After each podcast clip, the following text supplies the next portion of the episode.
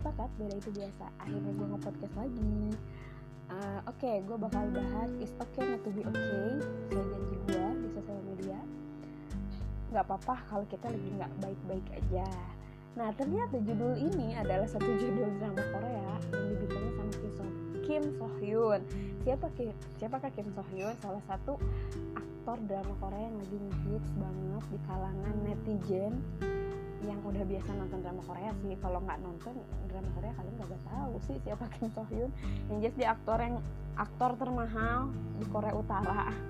Yang satu episodenya dibayar 2 m. Gila nggak lebih 2 m. Satu episode. Berarti kemarin dia main 16 episode dia dapat 32 m. Gila. Salut sih gitu. Maksudnya gue e, membahas ini kita mau sedikit membahas karyanya orang-orang Korea ya di bidang seni. Lo ngerasa gak sih drama uh, orang-orang Korea itu seserius dan sesungguh-sungguh itu buat bikin satu karya entah film entah musik uh, pokoknya karya seni lah. Mereka tuh seserius itu gitu dari mulai properti syutingnya dan lain sebagainya gitu kan. Buat kalian nih yang mau tahu tentang Korea nih boleh cek channelnya Bang Fuad Naim. Di situ banyak informasi juga yang beliau sampaikan tentang Korea. Beliau kan K-popers yang hijrah. Uh, tapi kalau kalian nanya boleh atau nggak nonton drama Korea? Untuk referensi diri kalian sendiri gue no comment silahkan tanyakan pada yang lebih paham. Kalau kalian nanya gue nonton atau enggak gue nonton. Genre yang gue tonton adalah action, trailer, dan komedi. Gue tidak menonton drama romantik. Uh, yang pure murni drama romantik itu gue karena pure drama romantik itu kayak sinetronnya Kim So Hyun sinetron drama maksud gue dramanya Kim So Hyun is okay to not be okay itu kan drama romantik ya. Gue kagak nonton. Gue cuma nonton di episode episode awal dan itu mau mengecoh emosional kita mengecoh pemikiran kita memporak-porandakan emosional kita gitu. Karena memang tujuan suatu film adalah uh, mempengaruhi emosional penontonnya sehingga dia merasakan peran si pemain gitu. Kan itu tujuan dari sutradaranya. Ya dan menurut gue uh, sutradara dari drakor ini tuh berhasil bikin si penonton ke bawah sama alur ceritanya. Nah gue nggak suka kalau gue sampai ke bawah kayak gitu gitu. Karena itu bikin pikiran gak tenang gitu. Menjadi tuntunan juga menurut gue nah jadi gue nonton atau enggak filmnya? Ada namanya Kwon So Hyun jawabannya enggak tapi gue sedikit tahu kalau ini film drama romantis tentang uh, dua orang manusia yang di masa lalu dan ketemu lagi pokoknya kayak gitu gitulah lu tonton aja lah pokoknya itu drama kayak gitu. Tapi kalau buat kalian yang tidak suka drama drama romantik gue saranin nggak nonton gitu. Tapi yang suka silahkan. Tapi perlu digarisbawahi uh, ketika kalian memilih film drama Korea kalian perlu ingat Korea itu negara bebas uh, otomatis tidak ada batasan-batasan gitu. Sedangkan kalau kalian menganut uh, kalian saat di daerah yang menganut norma-norma uh, menurut gue itu harus dipahami sih. Mungkin kayak misalkan lu pun beragama Islam lu harus tahu batasan-batasan lu melihat dan menjaga mata pandangan lu tuh kayak gimana gitu. Karena kalau drama Korea itu vulgar banget guys gitu. Kalian harus tahu batasan-batasan kalian menonton itu seperti apa seperti apa gitu. Kalian nggak bisa semua kalian tonton karena itu uh, setahu gue memang nggak boleh gitu. Karena pandangan kalian tuh harus dijaga gitu. Gila gue bahas ini aja 4 menit ya gitu. Jadi apa yang mau gue bahas? Di sini gue mau bahas nggak apa-apa kalau kita lagi nggak baik-baik aja. Jadi sini bahas insecurity sama ekspektasi gitu.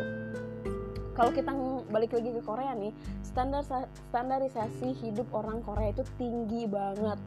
Buat jadi uh, hidup di lingkungan mereka tuh tinggi banget standarisasinya. Bahkan Bang Fuad tuh bilang kayak gini ada orang Barat yang main ke Korea dia udah cukup ganteng dia udah cukup terkenal dia udah cukup kaya terus dia datang ke Korea gitu. Terus dia nanya ke salah satu rumah sakit yang biasa operasi plastik dia nanya wajah dia masih perlu dioperasi nggak sih? Jawaban dokternya masih gitu. Karena memang standarisasi orang Korea itu tinggi selalu ada kurangnya gitu uh, it's okay to be okay. Ya nggak apa-apa kalau kita nggak baik-baik aja. Kita bahas insecurity. Jadi insecurity itu bermulai dari cara pandang kita dari ideal dan tidak ideal. Tidak ideal ini adalah realistis gitu. Jarak antara ideal dan tidak ideal ini disebutlah masalah gitu. Jaraknya itu semakin jauh semakin jauh ideal dan tidak ideal atau realistis semakin besar masalah kita gitu. Nah si ideal ini hampir sama dengan ekspektasi kita gitu. Karena sering kali nih kita tuh punya banget ekspektasi atau standarisasi ideal itu bukan menurut uh, cara pandang yang baik atau cara pandangnya orang beriman tapi cara pandangnya masyarakat umum. Yang bisa jadi cara pandang masyarakat umum itu bukanlah standarisasi yang tepat gitu. Jadi bisa dijadi standarisasi umum itu malah menekan diri kalian. Jadi beban kalian yang bisa bikin kalian insecure begitu guys. Nah ideal ini tuh kan sebenarnya ekspektasi kita kan gitu. Nah sebenarnya Kang Jen pun ngejelasin kita yang kita yang sekarang sama kita yang ideal gitu. Ideal ideal itu adalah harapan kalian gitu. Tapi ketika kita, kalian nggak bisa uh, mewujudkan keidealan itu uh, kalian ya nggak apa-apa gitu. Karena memang yang penting kita tuh udah ikhtiar gitu guys. Yang penting kita udah berusaha mewujudkan keidealan itu. Kalau kita tidak sesuai dengan keidealan itu it's okay. Do not be okay. Nggak apa-apa gitu. Justru ini satu jargon hal baik. Kita perlu sadar kapasitas hasil itu bukan haknya kita tapi haknya sang pencipta gitu. Karena orang beriman tuh diajarin banget yang namanya harus lapang dada gitu. Jadi kalau selama is okay not to be okay nya karena Allah ya ya nggak masalah gitu. Karena Rasul pun pernah ada di posisi as okay to not be okay gitu. Tapi Rasul tuh bukan di hal-hal sepele. Rasul tuh tentang umat tentang nasib umatnya tentang cara ngebenahin umatnya harus kayak gimana gitu tentang akhirat umatnya gitu. Jadi is okay not to be okay nya bukan tentang diri kita tapi karena Allah gitu. Tentang satu hal memang kebaikan-kebaikan yang memang itu tuh belum bisa gitu. Kayak contoh deh uh, Abu Talib. Abu Talib itu kan meninggal tidak dalam keadaan Islam Rasul dibully kan sama orang-orang kafir sama musuh-musuh Islam tuh gara-gara Abu Talib eh, nggak uh, masuk Islam. Tapi kan uh, Allah bilang tuh di salah satu firman ayat suci Al-Quran Allah bilang dan menghibur Rasul uh, ya hidayah itu bukannya hak Rasul hidayah itu haknya Allah gitu. Rasul tuh kan udah berusaha buat minta pamannya masuk Islam gitu tapi ternyata nggak bisa gitu. Karena kenapa? Hidayah itu haknya Allah gitu dan Rasul nggak usah nggak usah bersedih gitu. Karena ya itu bukan kuasanya Rasul gitu karena itu kuasanya Allah gitu. Dia nggak masuk Islam bukan karena Rasul tapi memang Allah tidak menurunkan hidayah itu kepada Abu jadi kita perlu sadar kapasitas kita tuh sebagai makhluk tuh di mana gitu. Insecure itu boleh justru insecure ada insecure itu adalah satu cara kita untuk menemukan solusi agar kita menjadi manusia yang lebih baik. Justru kalau kita nggak insecure kita nggak punya cara buat ngepas diri kita buat oh gue uh, gue masih gini-gini aja gitu. Kita kita nggak bisa ngadepin rasa takut kita gitu. Jadi insecure tuh manusia banget manusiawi banget bahkan kalau kata Ustadz Wimar the power of kepepet. Justru insecure itu adalah cara kita buat kepepet buat jadi manusia yang lebih baik lagi. Ya yang nggak benar itu ketika kita membandingkan hidup kita dalam perkara yang memang itu nggak perlu kita bandingin. Kayak misalkan takdir kita dan takdir orang lain itu nggak bisa kita bandingin. Kayak misalkan uh, yang belum nikah sama yang udah nikah ih dia udah nikah gue belum. Itu nggak perlu dibandingin guys. Itu karena ketentuan dan ketetapan ketentuan dan ketetapan sang pencipta. Kayak misalkan lu udah nikah dan lu belum punya anak itu balik lagi ketentuan dan ketetapan. Itu nggak bisa dibandingin. Terus uh, kayak misalkan contoh lu insecure dia punya harta banyak ternyata lu cuman gitu-gitu aja. Boleh tapi insecure-nya lo harus memotivasi lo jadi lebih baik kalau lo insecure-nya mereka punya harta banyak tapi harta banyaknya mereka nggak bermanfaat itu keliru gitu. Kalau lo insecure karena dia punya harta banyak gitu dan hartanya bermanfaat lo boleh insecure karena lo harus punya uh, rasa iri pada kebaikan gitu untuk memotivasi diri lo. Karena ada dua rasa iri yang memang diperbolehkan iri terhadap orang orang-orang yang berilmu dan ilmunya bermanfaat iri kepada orang yang hartanya banyak dan hartanya bermanfaat. Dan itu kita disarankan untuk iri gitu guys. Jadi di sini tuh is okay not to be okay nya adalah posisi di mana lu insecure uh, lu nggak bisa menggapai sesuatu hal yang ideal dan uh, dan uh, lu sadar kalau ternyata itu nggak bisa lu gapai ya nggak apa-apa gitu. Maksudnya lu nggak apa-apa kok dalam keadaan gak baik-baik aja gitu. Dan lu semua semua itu lu kembalikan lagi kepada Allah gitu. Kita kembalikan lagi kepada Allah gitu. Jadi nggak apa-apa kalau kita dalam keadaan gak baik-baik aja guys gitu. Jadi ya it's okay not to be okay. Not to it's okay to not be okay adalah manusiawi banget gitu jadi ya nggak apa-apa guys. Nggak apa-apa kalau kalian nggak baik-baik aja gitu. Karena kita manusia loh.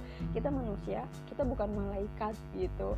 Tapi memang kita diciptakan um, kalau informasi-informasi kita nih yang udah kita konsumsi informasi-informasi itu baik informasi-informasi yang kita kelola di cara pandang kita adalah baik kita akan punya cara pandang yang berbeda daripada informasi-informasi yang mungkin yang masuk ke dalam benak kita itu belum baik gitu. Jadi kalian insecure boleh tapi lingkungan kalian tuh harus tepat gitu. Jadi insecure-nya kalian tuh bukan ecek-ecek gitu. Contoh deh Bang Hawariun kan. Bang Hawariun tuh insecure-nya lu kebayang gak sih uh, dia mewek ketika dia makan pizza gitu kan Kenapa? Karena dia mikir orang-orang di Palestina itu nggak mungkin makan pizza gitu. Orang-orang di Palestina tuh uh, jangankan makan pizza, makan nasi aja belum tentu gitu. Buat buat mereka makan aja belum tentu gitu bisa gitu kan nah tapi ini persepsi yang kurang tepat kalau kata Ustaz Beli karena kita harus menempatkan jadi kalau kita dapat rizki bukan berarti rizki itu kita abain tapi harus kita syukuri harus tahadus binikmat gitu jangan sampai kita salah perspektif kayak uh, Bang Fuad Main pernah ditegor uh, sama Bang Ustaz Wimar karena dia mau nge-training tentang Islam tapi pakai baju yang memang kurang layak dipandang lah gitu kan gitu. Kan sedangkan kita mau bawa keindahan-keindahan Islam otomatis ya memang kita harus menampilkan yang terbaik. Bahkan Imam Malik itu kalau misalkan dia mau uh, dakwah nih mau ya beliau itu pakai jubah yang paling bagus pakai parfum yang paling wangi karena dia ingin menampilkan keindahan-keindahan Islam gitu. Jadi insecure-nya kita nih udah tepat atau belum nih karena insecure-nya kita harus sesuai konteks. Jangan sampai insecure-nya kita tuh ya remeh temeh gitu insecure karena maaf nih kulit gue nggak putih kulit gue nggak glowing gitu. Maksudnya ya ya maksudnya emang kenapa gitu kan? Toh lu udah dikasih kulit gitu toh lu udah dikasih mm, tubuh yang sempurna di luar sana masih ada orang yang maaf gitu. Mungkin bibir aja nggak punya atau hidung aja bolongnya cuma satu mata aja nggak bisa ngeliat ngomong aja nggak bisa. Mungkin di luar sana ada yang seperti itu gitu. Kalau kita insecure sama hal-hal yang kurang tepat sih kayaknya kita perlu evaluasi diri sih gitu. Karena it's okay not to be okay. Di sini bukan sebuah dalil atau sebuah jargon untuk kalian lari dari masalah gitu. Enggak tapi it's okay not to be okay adalah penenang buat kalian di saat ke ke ideal keidealisasian kalian tidak sesuai dengan ikhtiarnya kalian gitu. Jadi ini sebuah sebuah penenang bukan dalih atau dalil buat kalian uh, lari dari masalah atau nggak papahnya adalah nggak papah ramah temeh bukan gitu. Tapi adalah sebuah penenang di saat kalian sudah berikhtiar gitu. Jadi jangan salah konteks gitu. Nah kalau ditanya boleh apa enggak kita? Is okay not to be is okay to not be okay. Justru boleh banget tapi sesuai dengan konteksnya, sesuai dengan keadaannya. Jangan sampai ini menjadi sebuah alasan agar kalian untuk berleha-leha, bukan kalian sih, agar kita, mohon maaf, bukan kalian kita. Maksudnya kan di kita belajar bareng gitu. Ini bukan alasan kita buat berleha-leha, buat berdalih untuk dari untuk lari dari kenyataan bahwa kita harus masih berusaha buat jadi orang lebih baik lagi. Begitu guys. Dan pada akhirnya is okay to not be okay adalah cara kita mengembalikan semua keadaan kepada sang pencipta. Gitu. Balik lagi ya cara pandang kita itu standarnya harus dari yang baik yang benar gitu kan. Kalau di Islam itu kan ada benar baik dan indah. Benar itu halal dan haram baik itu buruk dan jelek indah itu uh,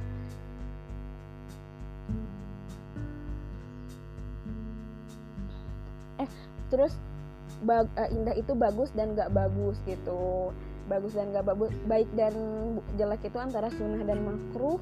Indah uh, indah gak indah itu bagus bagus dan jelek itu antara uh, mubah. Jadi kalau misalkan lu udah cukup melakukan rukun yang wajib tapi alangkah baiknya lu melakukan yang baiknya juga gitu disempurnakan dengan sunnahnya gitu.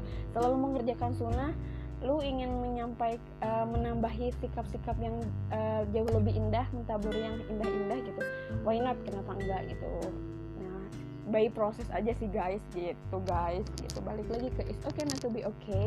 Jadi ketika lu udah berikhtiar udah totalitas udah berusaha semaksimal mungkin melakukannya tapi kenyataan hasilnya nggak sesuai dengan ekspektasi lu yuk balik lagi pasrah karena semua yang terjadi itu bukanlah kuasa kita tapi kuasa sang pencipta. Kita bisa memilih dan memutuskan tapi Allah yang menetapkan. Gitulah guys. Sekian podcast dari gua. Sorry banget kalau muter-muter belibet. Semoga ada manfaatnya. See you di podcast see you di podcast selanjutnya. Wassalamualaikum warahmatullahi wabarakatuh. Bye bye guys